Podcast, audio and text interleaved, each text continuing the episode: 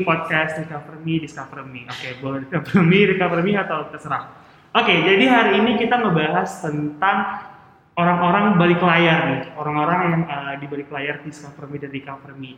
Nah, kalau yang kemarin-kemarin kita sering bahasnya bareng uh, buat podcastnya bareng para para psikolog nih, bahas-bahas tentang mental health. Nah, pada hari ini kita bakalan ngebahas tentang gimana sih experience atau apa ya yang dialami dari para orang-orang balik layar di Discover Me Recover Me ini. Oke, okay. aku mau kenal kalian dulu. Di sini ada aku, ya aku satu pertama ya.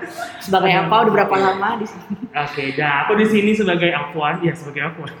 Wow, sebagai apa lagi uh, Aku di sini sebagai admin uh, untuk menerima schedule klien dan juga uh, setup lah kira-kira ini klien dimasuk di jadwal yang mana dan psikolog yang mana Kemudian kalau misalnya untuk asesmen atau pengukuran atau pemeriksaan uh, psikologis di bidang karir dan pendidikan itu juga aku yang megang, tapi tetap untuk pembuatan laporan dan konseling sama psikolog yang bersangkutan.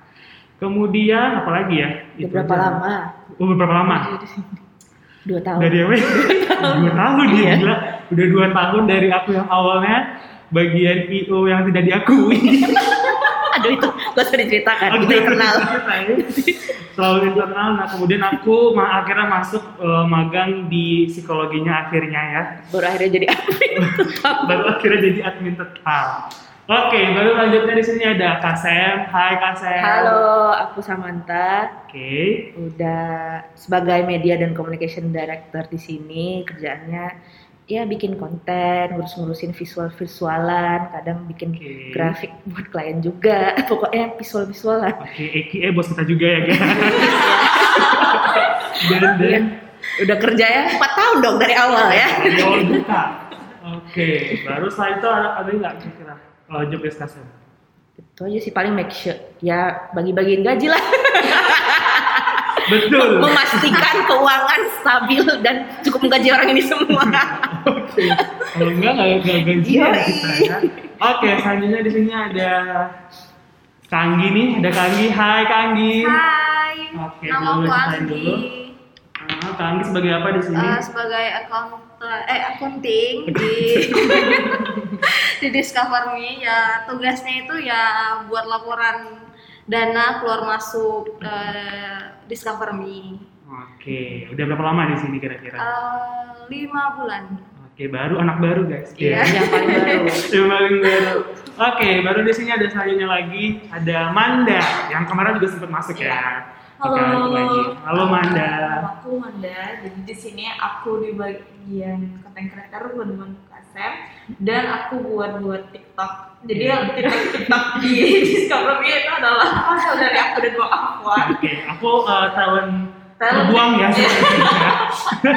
Talentnya terus juga buat buat konten untuk podcast podcast gitu. Aku junior dari kak Sam sama Afwan aku baru uh, baru lah kayaknya luar mana sih kami sama Manda di luar masuk deh. tapi beda cuma berapa bulan deh iya, beda Okay. Sebulan atau dua bulan. Oke, okay, by the way kita di sini masih podcast ya guys, buat podcastnya masih pakai masker juga. Jadi kalau agak-agak berdengung, ya maklumi lah ya. Agak-agak kayak bindeng gitu ya suaranya. Bindeng. Oke. Okay.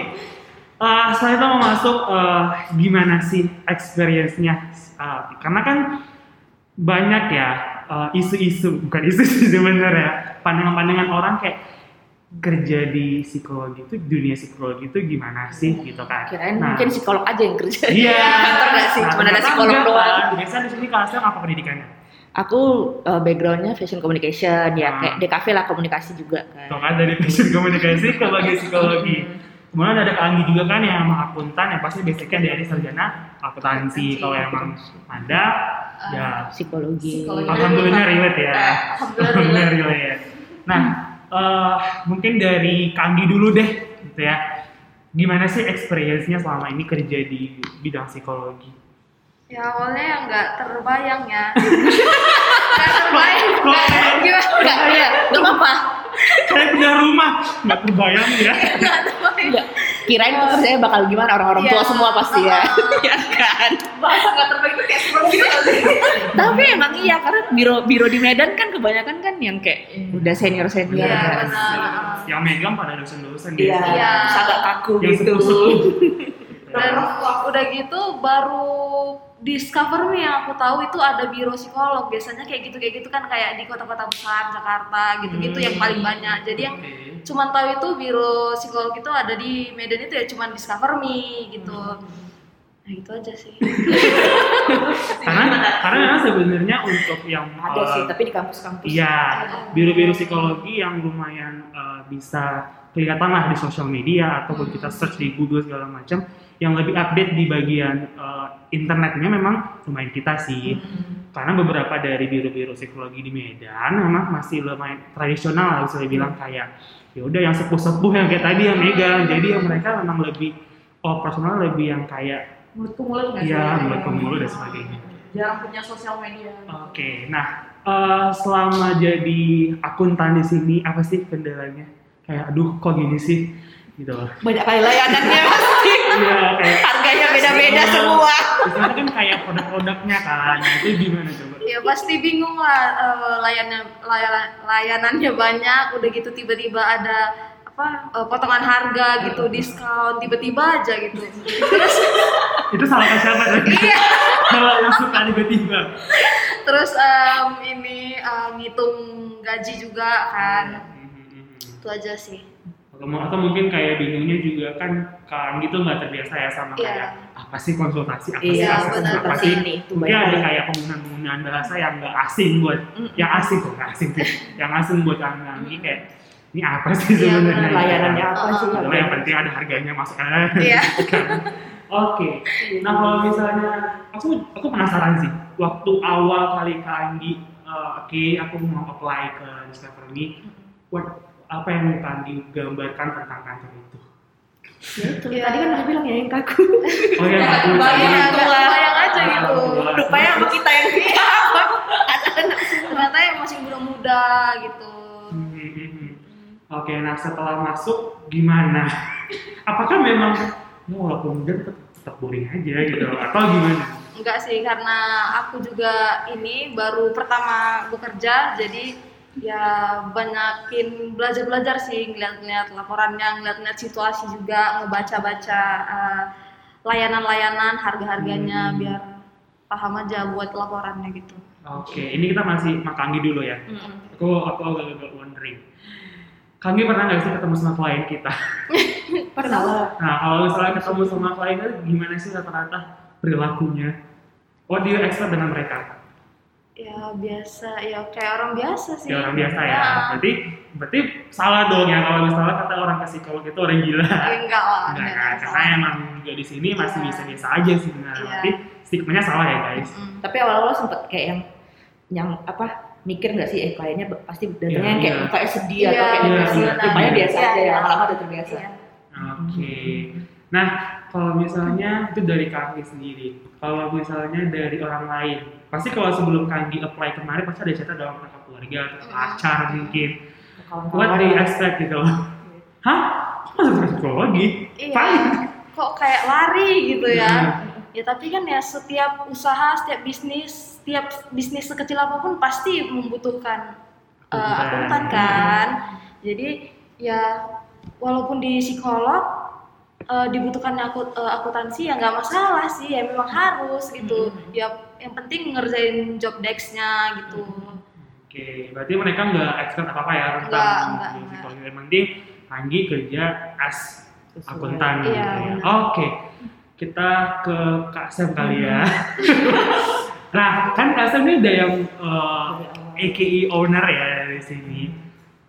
Apa sih awalnya visi aja visi Visi, buset. visi misi dari uh, pendirian uh, Discover Me. Ini? Awalnya sih diajakin ya, coba-coba lo. coba-coba. Coba-coba dulu lima tahun. Enggak. Diajakin temen yang memang psikologi, terus memang job desk-nya yang bikin yang media-media gitu. Seneng juga kan sebenarnya sama pendidikan awalnya. Kan memang fokus kita kan awalnya pendidikan sama karir kan. Oke, itu baru diceritakan apa tuh Discover Me recap lagi nanti. Gimana Hmm. prosesnya? Terus terus Ya udah, terus karena memang concern sama pendidikan, sama karir, pengen bantu-bantu adik-adik juga Iya, kan. iya, pemirsa. Yoi. Bantu adik-adik supaya nggak salah jalan gitu. Ya udah. apa tuh pengalaman juga atau gimana? bisa jadi iya bener soalnya kan eh, dulu orang tua expectnya tuh biasa lah orang tua apa ya boomers ya gimana ya Hmm. taunya ekonomi Ya, taunya I ya jurusan-jurusan ya kayak misalnya kedokteran hukum yang gitu-gitu gitu, aja sementara kan aku memang senengnya seni gitu ya itu sih ya pengen ngebantu orang-orang yang mungkin terjebak kayak aku juga dulu Oke. iya. Berarti emang awalnya tuh eh, niatnya pengen bagi juga di eh, pendidikan, Mm-mm. salah jurusan. Oke, Iya. kemudian nah ada recover me nih, klinis tuh gimana Mm-mm. Kak prosesnya? Kalau klinis kemarin kan memang dari Discover Me awalnya eh, pendidikan sama karir aja, terus memang ada gabung sama kita juga psikolog klinis, terus Oke. di tahun kedua deh kalau nggak salah makin banyak tuh yang pada nanyain layanan klinis, layanan klinis ya udahlah buat aja lah Recover Me sekalian gitu. Iya. Berarti emang sebenarnya eh, based on permintaan sebenarnya. Iya, ya. mm-mm. Akhirnya muncul lahir lah itu. Betul. Betul. Oke. Gimana eh, experience kakak selama apa ya, menyelami dunia psikologi ini? eh ya awalnya juga ngiranya bakal kayak yang kaku-kaku kali gitu kan. Ternyata untungnya psikolog-psikolognya masih muda juga semua ya. Ya. beda umurnya nggak jauh-jauh kali untungnya. Terus sempat kemarin di awal-awal aku tuh kayak kayak yang nggak ngerti kode etik kan Ah, jadi iya. kayak sempet yang kayak ngevideoin orang lagi ngetes dari depan terus ditegur lah sama kak Renita head counselor kita yang lagi di Bandung Hai, halo kak Semoga didengar ya. Iya. Oke, Iya, dan ditegur eh eh, itu melanggar kode etik nah, pelan-pelan belajar dari situ Oke, dan berarti memang ternyata untuk uh, visualisasi dari virus psikologi ini pun juga lumayan ribet ya. lumayan banyak kode etiknya banyak ya kayak laporan aja kan kita nggak boleh ngepost ya padahal itu yang kita kayak Jual jual, ke orang gitu Tapi itu nggak boleh di-post karena nggak kode etik atau Iya. kayak apa aja sih yang bakalan dites. Mm-mm. Mungkin kita bisa bisa bilang garis besarnya apa, tapi iya kadang-kadang orang juga pengen tahu Vis- iya apa sih sebenarnya. visual lebih menjual kan Nah, ya itu lah itu tadi halangannya ya, Hmm, besar benar. kode etik. Terus gimana kakak menyesuaikan diri dengan larangan-larangan itu?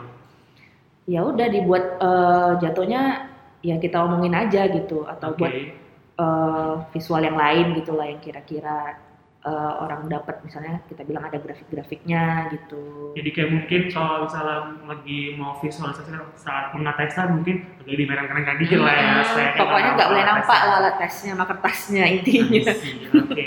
Kemudian nah Kasen kan juga di bagian uh, media tadi kan. Mm-mm. Apa sih kira-kira yang sering uh, Kasen jadikan apa ya uh, pencetus ide atau kayak oh gara-gara ini aku buat ini gitu apa gitu? misalnya untuk konten Iya gitu untuk konten segala macam ini. pokoknya apa yang aku pelajari dari kalian lah yang anak-anak psikologi menurut aku menarik dan kayak orang lain tuh butuh tahu ya udah jadiin konten aja gitu. Berarti selama ini kita diobservasi kan? iya iya selama ini ada yang observasi kalian iya Diam ya. emang ya kayak dari pembahasan-pembahasan kita misalnya klien datang gitu atau Hmm. misalnya kayak yang orang tua orang tua yang protes gitu itu kan bisa jadi konten kan misalnya kayak gimana sih cara meyakinkan orang tua dengan pilihan kita itu kan bisa jadi konten kan Oke, jadi berarti sebenarnya kalau misalnya ada pengkritikan atau atau ada apa pun isu yang terjadi, sebenarnya nggak harus di eh, apa ya di dibenci segala macam atau dijadikan kesal, tapi justru bisa jadi bahan konten Iya, sebenarnya. konten. karena Oh, banyak orang pasti yang ya kayak gitu juga ya kan butuh Oke, kalau misalnya Kak Kasya mengambil isu atau kayak tentang dari media sosial pasti banyak banget kan isu Mm, mm, psikologi. mm. Nah, gimana cara Kasya bisa menempatkan eh, untuk ngangkat media itu, konten itu menjadi yang baik untuk di biro ini? maksudnya bandingin nama yang lain gitu Iya. gimana ya pokoknya yang punya kita nggak mau ngikut-ngikut orang lain lah intinya sih harus Wow. beda gitu Ah, karena misalnya orang eh, tempat-tempat lain tuh lagi ngomongin ini semua jadi ngomongin itu juga nah, kita kan tetap Hmm. yang lebih relate lah sama aku sih pengennya lebih relate ke klien-klien kita juga Sehari-hari gitu. ya. Mm-mm, yang betul-betul sehari-hari lah yang dekat sama kita Oke, berarti memang Kasa untuk pengambilan eh, visual medianya atau kontennya itu memang lebih ke apa yang sedang terjadi di sekitar gitu, bukan betul. apa yang lagi up. I Mm-mm. see. Oke. Nah, gimana pandangan-pandangan teman-teman Kasep atau pacar Kasep atau orang tua Kasep? Apa lo di psikologi? Iya, kadang ketemu teman gitu atau teman baru gitu nanya kerja di mana ya kan psikologi. Oh psikolog langsung kayak gitu. Padahal bukan kerjain medianya. Oh terus pada tanya psikolog yang ngomong-ngomong itu kan. psikolog yang ngomong-ngomong Iya. enggak ya konsultasi sih gitu terus oh apa ya eh mecahin masalah enggak juga sih. Jatuhnya psikolog kan membantu. Nah ini juga aku belajar nih selama di sini. Psikolog tuh membantu kliennya untuk membantu dirinya sendiri kan. Memberikan insight yo. Karena kalau misalnya psikolognya membantu memberikan pilihan, atau memberikan solusi, Solusi. atas masalah oh udah rame kali lah ini. Kantor kita. udah rame kali lah. Juga kalau misalnya kayak ternyata itu solusi yang nggak cocok buat dia dan itu ternyata solusi yang salah, yang salah siapa? Psikolognya. Psikolognya, Makanya iya. bukan tugas psikolog adalah memberikan solusi, tapi memberikan insight untuk dia menemukan Solusinya solusinya. Oke, berarti pandangan-pandangan uh, Iya. teman-teman kasar lumayan nih iya sebenarnya. iya awam lah namanya tapi tetap aku edukasi lah kadang aku kasih tahu juga ya ada juga layanan pendidikan misalnya buat Mhm. ngetes anak SMA mau kuliah kan sama yang kayak rekrutmen oh gitu juga baru yang kayak oh gitu Oke, kalau kalau ke sana menjalankan bisnis ini bagaimana ibu? Apalagi kita di Medan ya, sebenarnya Iya. kan bukan kota yang lumayan Betul, luas betul, soal betul. tentang Sama mental Hmm. gitu kan. sama psikologi iya. eh itu sih ngejualnya sebenarnya karena kode etiknya juga terus eh hmm, kemarin sempat ada masalah juga nggak usah diceritakan lah ya. Ya, itu itu internal aja. Eh, eh, paling ya terkejut aja sih harus kayak tiba-tiba ngambil operasional juga Mhm. itu jadi kayak makin mendalami lah jatuhnya kan. Yang awalnya cuma buat-buat iya konten media. ya. jatuhnya kan aku sebenarnya kayak orang awam bikin media. Ini jatuhnya kayak oke harus udah masuk ke psikologinya juga nih. Karena nggak mau, nggak mau iya. Kadang kan harus bikin kayak layanan baru lah apalah. Segala macam acara-acara juga kayak webinar-webinar gitu Mhm. kan segala macam itu sih sama tantangannya lagi ya ya itu sih ngeyakinin orang gimana supaya mau ngambil layanan karena ini kan masih jarang ya kayak Hmm, orang jarang kali orang eh, mereka tuh kayak menganggap psikologi itu yang bukan hal yang penting gitu. Mm-mm. Karena mungkin juga karena ada faktor harganya emang lumayan pricey. Iya. kayak kalau misalnya ke dokter lo beli panadol dapat Iya. dua ribu lima ribu psikologi mana mungkin segitu kan. Mungkin Iya. dan juga edukasi apa sih gunanya? Iya. Nah itu juga masih bingung sekali di Mm-mm, kota ini. Nah, emang emang uh, lumayan berat lah uh, tantangan buat kita yang Iya. kayak ngedukasi warga-warga di sini khususnya kota Medan. Iya. Penting loh ternyata Iya. gitu kan. Oke. Kalau dari kantor sendiri apa sih expectnya dari biro psikologi ini? Ekspektasinya tuh gimana ya lebih dikenal orang lah ya pastinya Amin.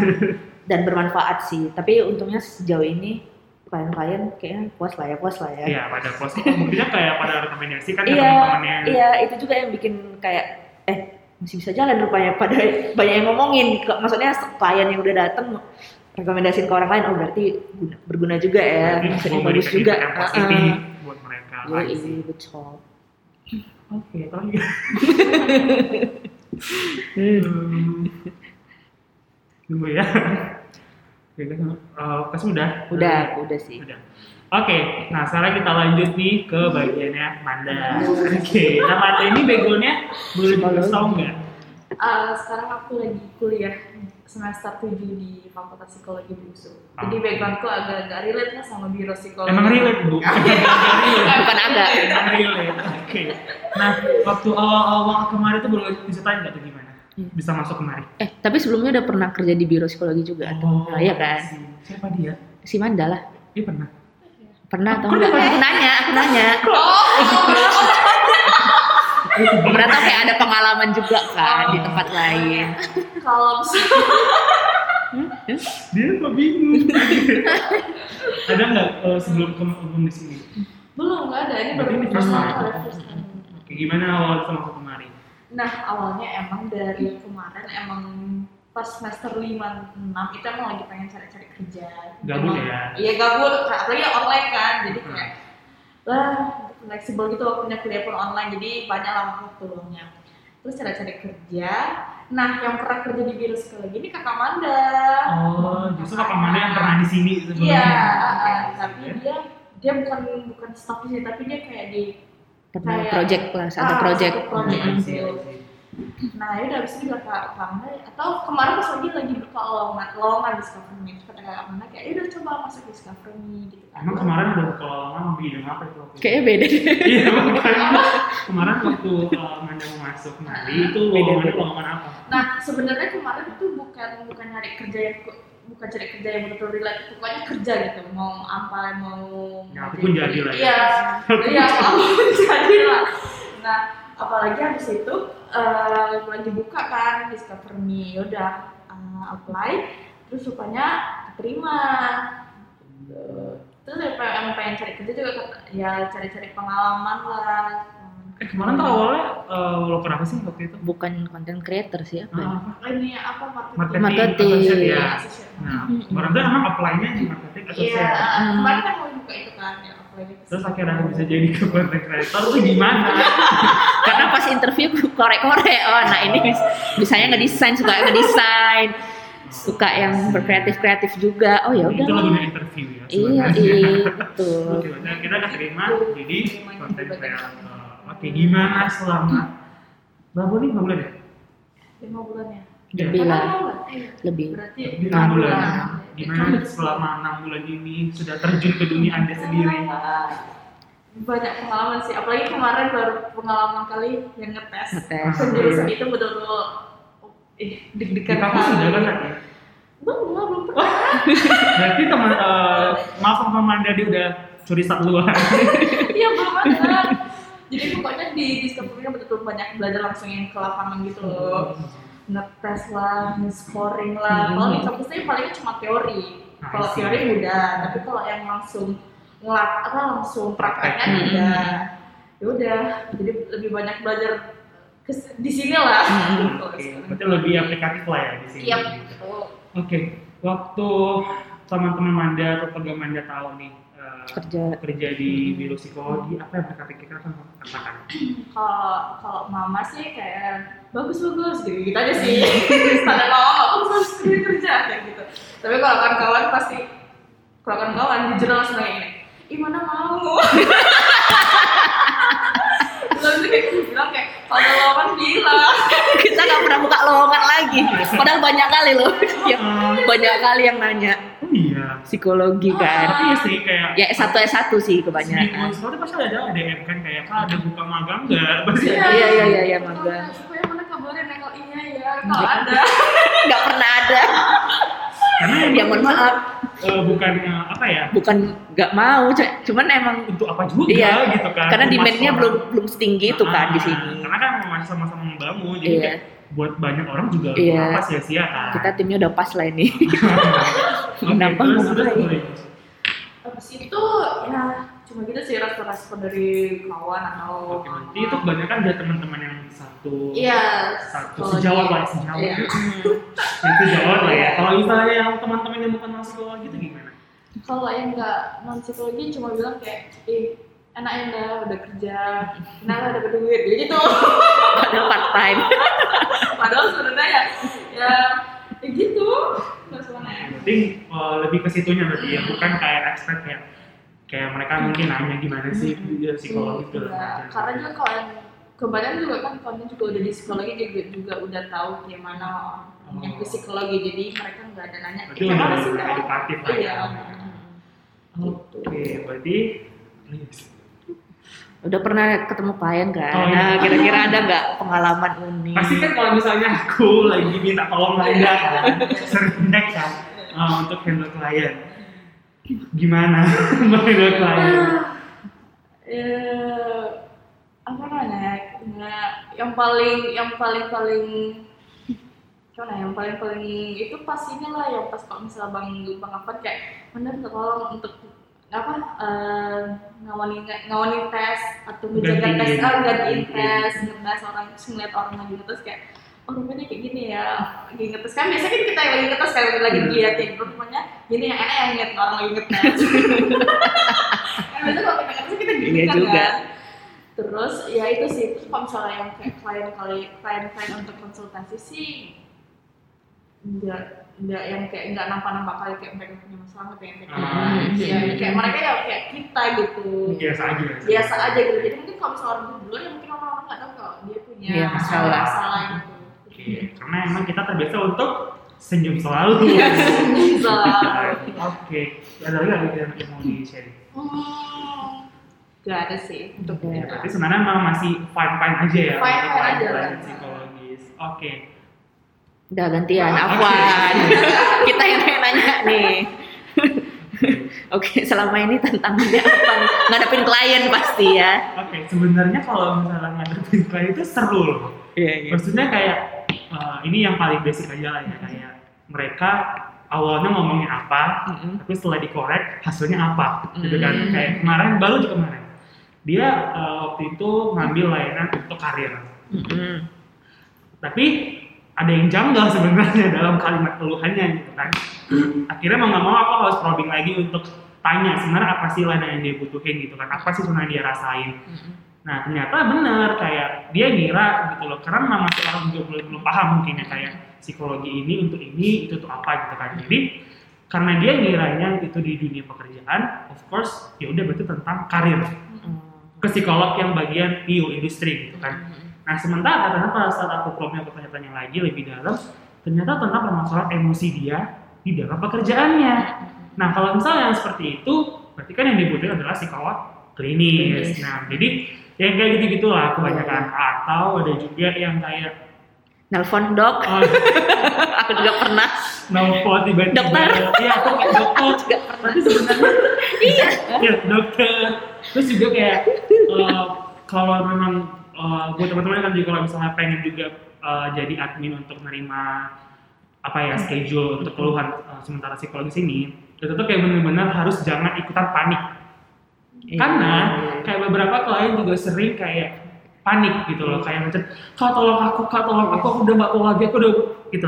Nah kalau misalnya kita ikutin dia, ikutan panik juga kayak dia ya Nggak- udah, nggak bantu. bakal ngebantu sama-sama panik sama-sama panik gitu kan. Nah awal-awal tuh aku kayak gitu, kayak ih gila dia orang mampus dah, udah udah mau mati dia mati. awal tuh udah awal tuh kayak gitu kan. Cuman akhirnya aku bilang ke psikolog kita, terus psikolog, psikolognya baca gitu kan ke teksnya.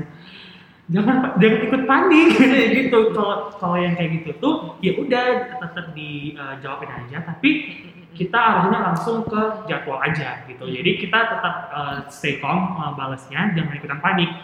Karena kalau kita ikutan panik, dia panik lagi jadinya. Karena kan kalau orang panik butuh penenang, Iya. bukan panik butuh panik gitu kan sebenarnya.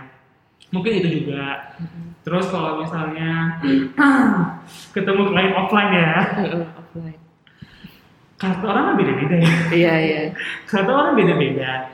Mungkin itu sih yang buat seru kayak kita harus berhadapan sama orang banyak, tapi kita harus juga tetap bisa normal di depan dia, Mm-mm. ya kan? Walaupun dia punya preferensi masing-masing Mm-mm. untuk uh, karakter. Kayak misalnya uh, ada orang yang mungkin bawaannya jutek, gitu kan? Mm-mm. Mungkin bawaannya jutek kayak mukanya sinis segala macam. Ya kalau mungkin kita bukan orang psikologi atau kita mungkin orang awam yang kayak ketemu di jalan dia mukanya langsung gini, mungkin ada emosi juga kan? Kesel, kesel. Ada kesel juga. Kenapa Tapi ya, nih? Nah, kenapa dia orang kayak gini gitu kita kan nggak tahu apa nah tapi balik lagi mereka mungkin mereka biasanya kalau yang kayak gitu tuh baru selesai mengeluarkan emosinya di dalam selesai Hmm. konseling nah mungkin masih ada sisa-sisa emosinya nah itu mungkin sisa-sisa dari emosi itu nah jadi itu hal yang wajar jadi kayak ya emang harus dimaklumi juga namanya orang baru selesai mengeluarkan emosi pasti ada sisa sedikitnya gitu kan nah, kayak gitu-gitu juga ada sering terus apa lagi ya Yang Eh, orang tua nggak terima. Itu ada juga. Nah, Atau jadi yang berantem. paling- ya, ini yang paling sering terjadi kayak orang-orang, aku nggak tahu ya, apakah memang khususnya di Medan atau di Indonesia jangan-jangan. Tapi kayaknya kebanyakan sih emak-emak gini. Eh, punya anggapan kalau misalnya mereka udah bayar sesuatu di tempat itu untuk jasa mereka, si customer itu, si emak-emak itu punya anggapan bahwa dia bisa kontrol itu. Ngatur. ya. Dia bisa ngatur itu. Misal gini, kita kan juga sering menerima klien untuk anaknya eh, tes IQ. Nah, tes IQ itu diperlukan untuk berkas pendidikan segala macam. Tapi dari instansinya itu minta misalnya minimal IQ sekian. Contoh kita ambil IQ-nya 120 minimal gitu kan. Supaya hasilnya nggak segitu, Nah. nggak terima. Anggapan dia ketika dia kemari itu IQ bisa disetel-setel gitu kan. dinaikin segala macam Bisa gitu kan. ya. Bisa diedit. Nah, sementara itu kan udah melanggar kode etik kita kan Iya, sebagai iya. psikologi. kalau ditanya mau ya nggak mau juga ya buat apa juga Nah, kan- karena gini kalaupun misalnya kita kasih dia IQ-nya sesuai yang dia mau 120 misalnya tapi ternyata nyatanya IQ dia mungkin hanya 90-an kita buatkan 120 dan dia akhirnya lolos ke instansi itu sebenarnya yang kasihan itu tuh anaknya Iya. karena gini, instansi itu membuat IQ segitu pasti ada pertimbangannya. Kenapa dia buat 120 gitu kan? Ketika ada si anak yang mungkin tadi melakukan kecurangan yang harusnya memang IQ dia nggak nggak 120, tapi dia buat 90 dan dia akhirnya berada di orang-orang di sekitar orang-orang yang IQ-nya 120. Yang kasihan siapa? Iya, Iya. iya. Anaknya. Nah itu orang tua nggak nggak apa ya nggak sering pikir panjang ke situ gitu loh. Mereka berpikir kayak semua. Iya, Hmm, ambis. berpikir semua uh, syarat-syarat itu hanya ya udah sebatas administrasi, tapi Iya. enggak. Setiap role, setiap apa tuh pasti ada yang dipertimbangkan sebelum Iya. dibuatkan. Nah itu yang kayak gitu, kayak kita juga udah sering sih beberapa kali kena uh, akhirnya mamanya marah-marah terus segala macam kita Nggak terima. nggak terima kalau misalnya akhirnya anaknya segitu. Nah yang paling lucu gini, kemarin waktu pertama kali datang sama sekali nggak ada bicara kalau dia mau masuk instansi itu. Hmm. gitu kan. Sama sekali nggak ada bahas itu. Oke dia mau mau ngambil jurusan mau tahu gimana minat bakatnya dan segala macam. Aku juga udah jelasin kayak apa aja sih yang bakal didapat. Iya, bahkan Tapi- anaknya kayak nggak milih Nah, ke itu. instansi, ya nggak terus waktu anaknya mengisi data diri kan kita juga udah buat tuh di kolomnya eh, kira-kira kalau ditanya ditanya diri sendiri tuh dia mau ngambil apa sih jurusannya nah si anak sama sekali nggak ada buat instansi yang dibilang mamanya Iya, kayak bener-bener ya udah kayak memang apa yang dia mau iya. Kampus Dan- pilihan dia lah. Nah, pada saat di dalam pun waktu pengukuran ya aku wawancara sesuai apa yang aku dapat datanya gitu kan. Nah, ternyata sudah selesai lah semua pengukurannya dan laporannya. Lalu hari berikutnya kan konsul tuh, Hmm. konsul sama psikolognya. Nah, ternyata orang tuanya bilang di situ kayak, "Iya, ini anak saya mau masuk sini." gitu kan. Loh, tapi ibu di data dirinya Nggak dibuat. dibuat apa-apa, bahkan berkaitan dengan itu pun tidak gitu kan, jauh dari itu. Nah akhirnya orang tuanya marah-marah karena akhirnya nggak cukup dan ngerasa kayak dia merasa ditipu. Maksudnya kenapa kayak gitu gitu loh kayak kita kan uh, melakukan pengukuran apa adanya bagi bagaimana potensi anaknya di situlah kita berikan. Lagian apa untung rugi kita juga naikin atau turunin data uh, potensi mereka gitu kan kecuali kita dibayar lebih itu pun juga nggak nggak mungkin buat apa juga gitu Iya. kan. Nah mungkin gitu sih yang kayak banyak uh, kendala-kendala yang kayak gitu banyak orang Orang ngira tua kayak- masih ambis lah, Nah, mendominasi anak. itu tadi akhirnya si anak tidak sesuai dengan apa yang dia mau. Sebenarnya kalau mikir kayak gitu ya, memang banyak orang tua berpikir kayak alah si anak apa apa sih masih kecil, aku luar hidup tahu lah gimana asal negara. Mm-mm. Tapi kayak generasi itu beda gitu Iya. loh. Mungkin kayak apa yang dia tahu itu apa yang orang tua tahu itu si anak mungkin nggak tahu, tapi Mm. apa yang si anak tahu orang tua juga nggak tahu. Nggak Ada yang orang tua nggak tahu kan? Mm-mm. karena udah beda vibe, udah Iya. beda generasi, udah beda zaman, udah beda pola, semua Iya. udah beda gitu loh. Kayak dulu mungkin makan dipiring pakai batok, sekarang udah pakai ada yang dari aluminium, ada Iya. kaca, itulah kesalahan beda. Iya, iya. Jadi emang nggak bisa disamain, jadi mending kita ikutin aja apa yang uh, sedang di Terjadi zaman sekarang, itu iya. gitu loh, daripada kita terus-terusan ke belakang. Mm-mm. Itu kalau misalnya kendala-kendala sama klien ya. Iya. Kalau offline. kalau misalnya lagi ya. Oh, aku jujur ya sebenarnya. Aku orangnya lumayan eh, tek-tek gitu loh. Kalau misalnya udah buat schedule, ya udah berarti Iya. aku udah pertimbangin itu sebenarnya. gitu kan. Nah, aku paling sebel sebenarnya kalau misalnya klien di hamin jam berapa, Cancel. kak maaf kak, aduh. Karena gini sih, kemungkinan kayak aku buat ngekip jadwal dia itu ada beberapa yang aku tolak atau aku mundurkan Iya, gitu iya, kan. iya, iya. Nah, ternyata pas sudah di Hamin jam berapa yang udah dikit jadwalnya tuh dia baru baru bilang kayak kak sorry harus skip ya mungkin kita nggak bisa nebak keadaan apa yang terjadi ya Mm-mm. tapi ya ya gitu gitu loh Iya, itu sih uh, kalau kesannya tantangannya Mm-mm. baru apa lagi ya Apa lagi? Kenal abang kok lagi ngetes. oh oh iya kalau misalnya kayak tadi kan kayak orang tuh beragam ya kan Iya. apalagi kayak gue di satu sama satu orang berdua yang nggak nggak kenal random people tapi di satu tujuan dan berdua doang di Iya, ruangan iya. dan berjam-jam gitu saya ada perilaku unexpected yang Iya, terjadi iya, di iya. situ gitu kan. kayak pas mungkin waktu di luar sama keluarganya atau orang tua pas datang oh di sana kayak kalem Hmm. segala macam. Nah pada saat awal-awal oke duduk masih yang awal oke masih kalem tapi udah kan semakin tes tuh mungkin dia makin semakin stres mungkin kan keluar makhluk aslinya masih lama gitu. Kayak masih lama nggak sih. Aduh ada yang kayak gitu. Atau yang kayak misalnya ada juga yang nyolot. Tapi ya ya nah karakter orang ya. itu malah jadi observasi kita untuk membuat tanggapan psikolognya gitu kan. Jadi apa pun yang terjadi ketika dalam pengetesan pasti akan aku buat laporan observasinya gitu kan. ya kalau dia awalnya kalau tiba-tiba jadi beringas ya udah Iya. buat. Berarti kan di situ ada proses belajarnya gitu Iya, kan iya. dia dalam bertindak gitu kan. Gitu-gitu sih. Ada yang kayak malah kayak eh, disenggol dikit aja kayak kan aku ada belajar-belajar dikit ya kalau misalnya lagi sharing-sharing sama psikolog kayak eh, grafis kak kalau ini gini, gini itu gimana sih karakternya? Gitu gitu kan kayak misalnya eh, kalau lagi sedih tuh kalau lagi ada masalah tuh kayak muter-muter. Nah misalnya aku sering-sering lihat kan sedih lagi lagi yang lain atau yang, yang kayak lebih fleksibel lah gitu kan aku lihat hasil tesnya. Kayak aku cuma nanya kayak kamu kalau lagi ada masalah gini-gini ya gitu kan. Eh, ih kak kok tahu nih? Jadi ini gibah ya. Nah itu gitu bahkan jadi jadi panjang kayak "Ih, gitu kalau aku di rumah. Jadi cerita. Kalau aku tuh kayak gini oke. Nah kemudian ada yang kayak gitu kayak disenggol dikit udah langsung uh panjang. Cerita. malah jadinya akhirnya panjangan cerita daripada itu. Tapi kita harus mekat kan kayak Yalah, ada kita- waktu iya, soalnya ada durasi. Kita kan juga tujuan di sini kan untuk pengukurannya kan bukan untuk curcol. Nanti curcol nanti masih psikolognya gitu kan. Terus apa lagi ya? Mungkin itu aja sih. Paling kayak kalau nanya kayak udah tahu harganya berapa ada yang iya, hilang kan tadi tuh kan mungkin kayak memang masih awareness kurang, Kurang. ya kayak emang itu emang harga yang mahal. Ya gitulah kayak atau enggak. Tapi aku tadi baru dapat satu hal yang bahagia loh. Hmm. kayak Apa aku baru kali itu aku disapa sama klien Oh, halo kak gimana kabarnya tuh asik. Dia ingat ya. Udah punya bonding apa sama kliennya.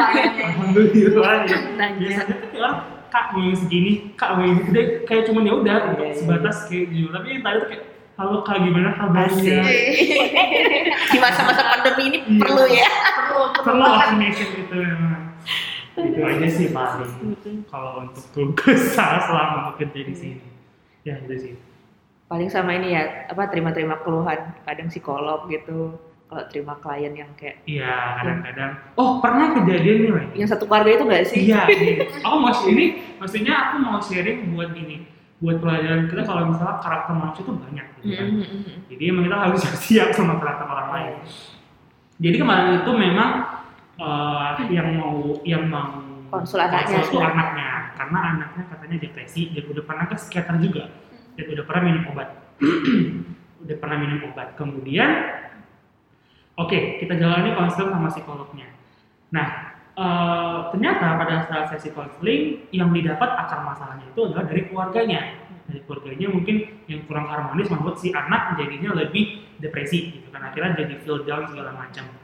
Nah set- eh, kan kalau udah ber- kalau misalnya bersangkutan dengan anak anak kan masih dengan tanggung jawab orang tua. tua. jadi of course pasti psikolognya akan memberikan memberitahu orang tuanya gimana perkembangan saat sesi konseling dengan anaknya gitu kan. Itu emang harus karena si anak masih tanggung jawab orang tua. Jadi orang tua tahu si, anak- si anaknya ngapain Mm-mm. gitu kan. Kemudian nah pada saat si psikolognya menjelaskan ini gimana nih prosesnya bisa terjadi depresi dan bagaimana nah mungkin ada orang tua yang tidak terima disalahkan. Mm-mm. sebenarnya bukan disalahkan sih tapi lebih kita bagaimana cara mendiskusikan gimana nih jalan keluar solusinya. Tapi mungkin ada orang tua yang tidak terima yang tuh kayak boomer ya mereka memang yang paling benar gitu kan Iya. merawat anak dan segala macam. Nah akhirnya jadi perperangan di sini. Bahkan sampai wow itu kayak pertama kali dalam aku kerja juga mungkin kayak pertama kali juga di sini iya. gitu ya. Selama empat tahun itu. ah, selama empat tahun berdiri baru kali itu ada kejadian sekeos itu di dalam ruangan sesi konseling orang tuanya sampai berdiri yang sampai mau ngancam psikolognya segala macam.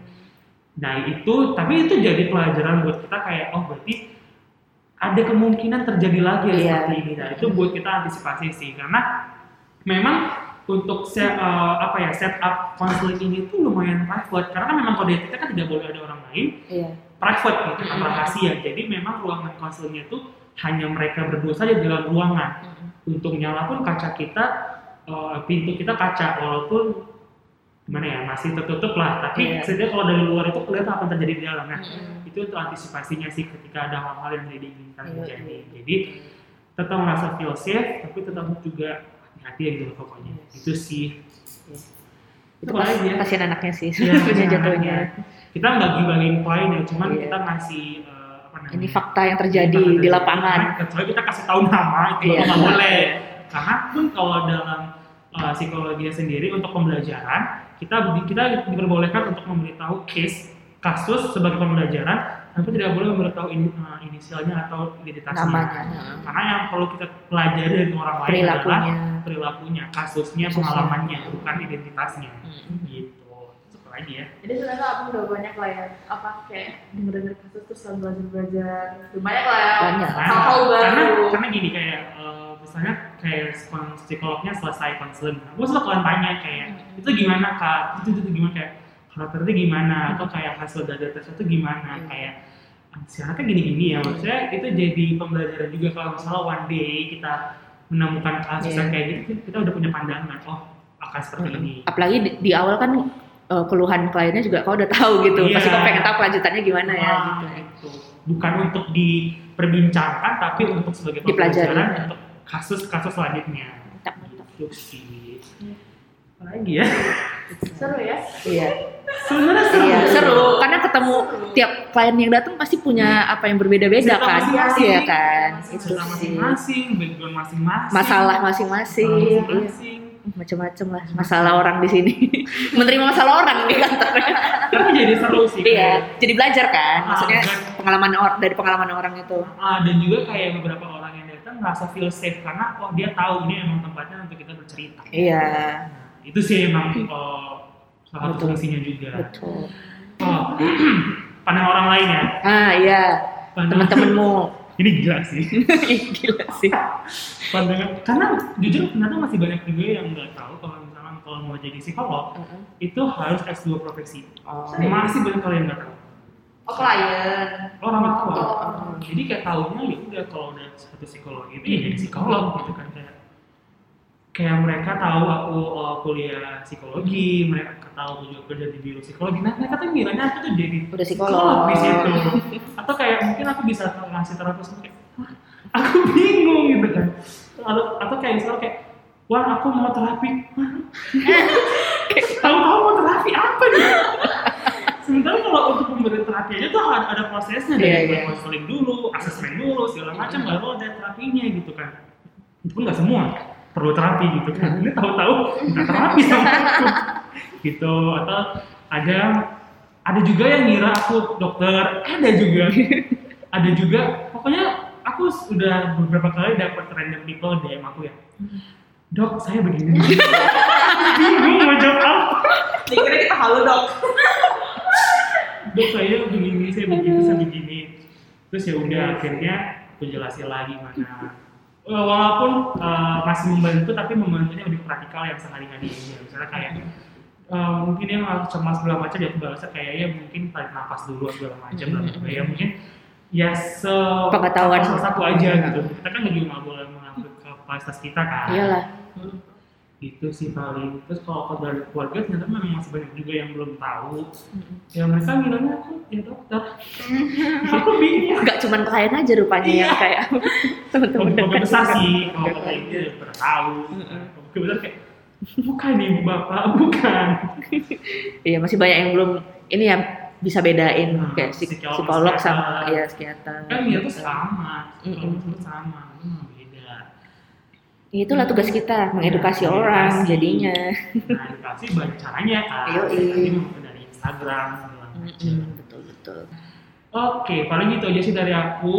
Eh, ada yang mau tambahin kira-kira? Nggak ada. Perjuangan dari orang-orang baik yang suka premier premier ini? thank you udah dengerin. Di share ya. Oke. follow Share sosmed kita. Dan kunjungi. Dalam rumah.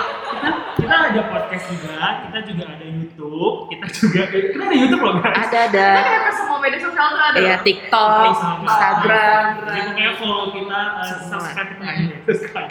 Pokoknya ikutin kita semua. eh, apa aja project-project kita kita bakalan sebarin juga di TikTok, di podcast, Instagram. di Instagram, di mana lagi? Itu aja. Iya. Sama kayak Twitter bakalan jalan lagi ya Hmm. harusnya. Karena udah udah mulai ada tapi belum belum running lah, belum aktif. Doain aja semoga eh, bisa manfaat juga sharing-sharing kita jadi kalau kalau misalnya mau terjun ke kerja di bagian psikologi, you don't have to jadi orang psikologi kok karena Mm-mm. psikologi itu luas banget. Oke, itu aja kali dulu dari aku Afwan dari Halo Kasem, Ya, Kami thank dan. Anda. Oke. Semoga semua tetap sehat ya. Ya, Bye guys. bye-bye.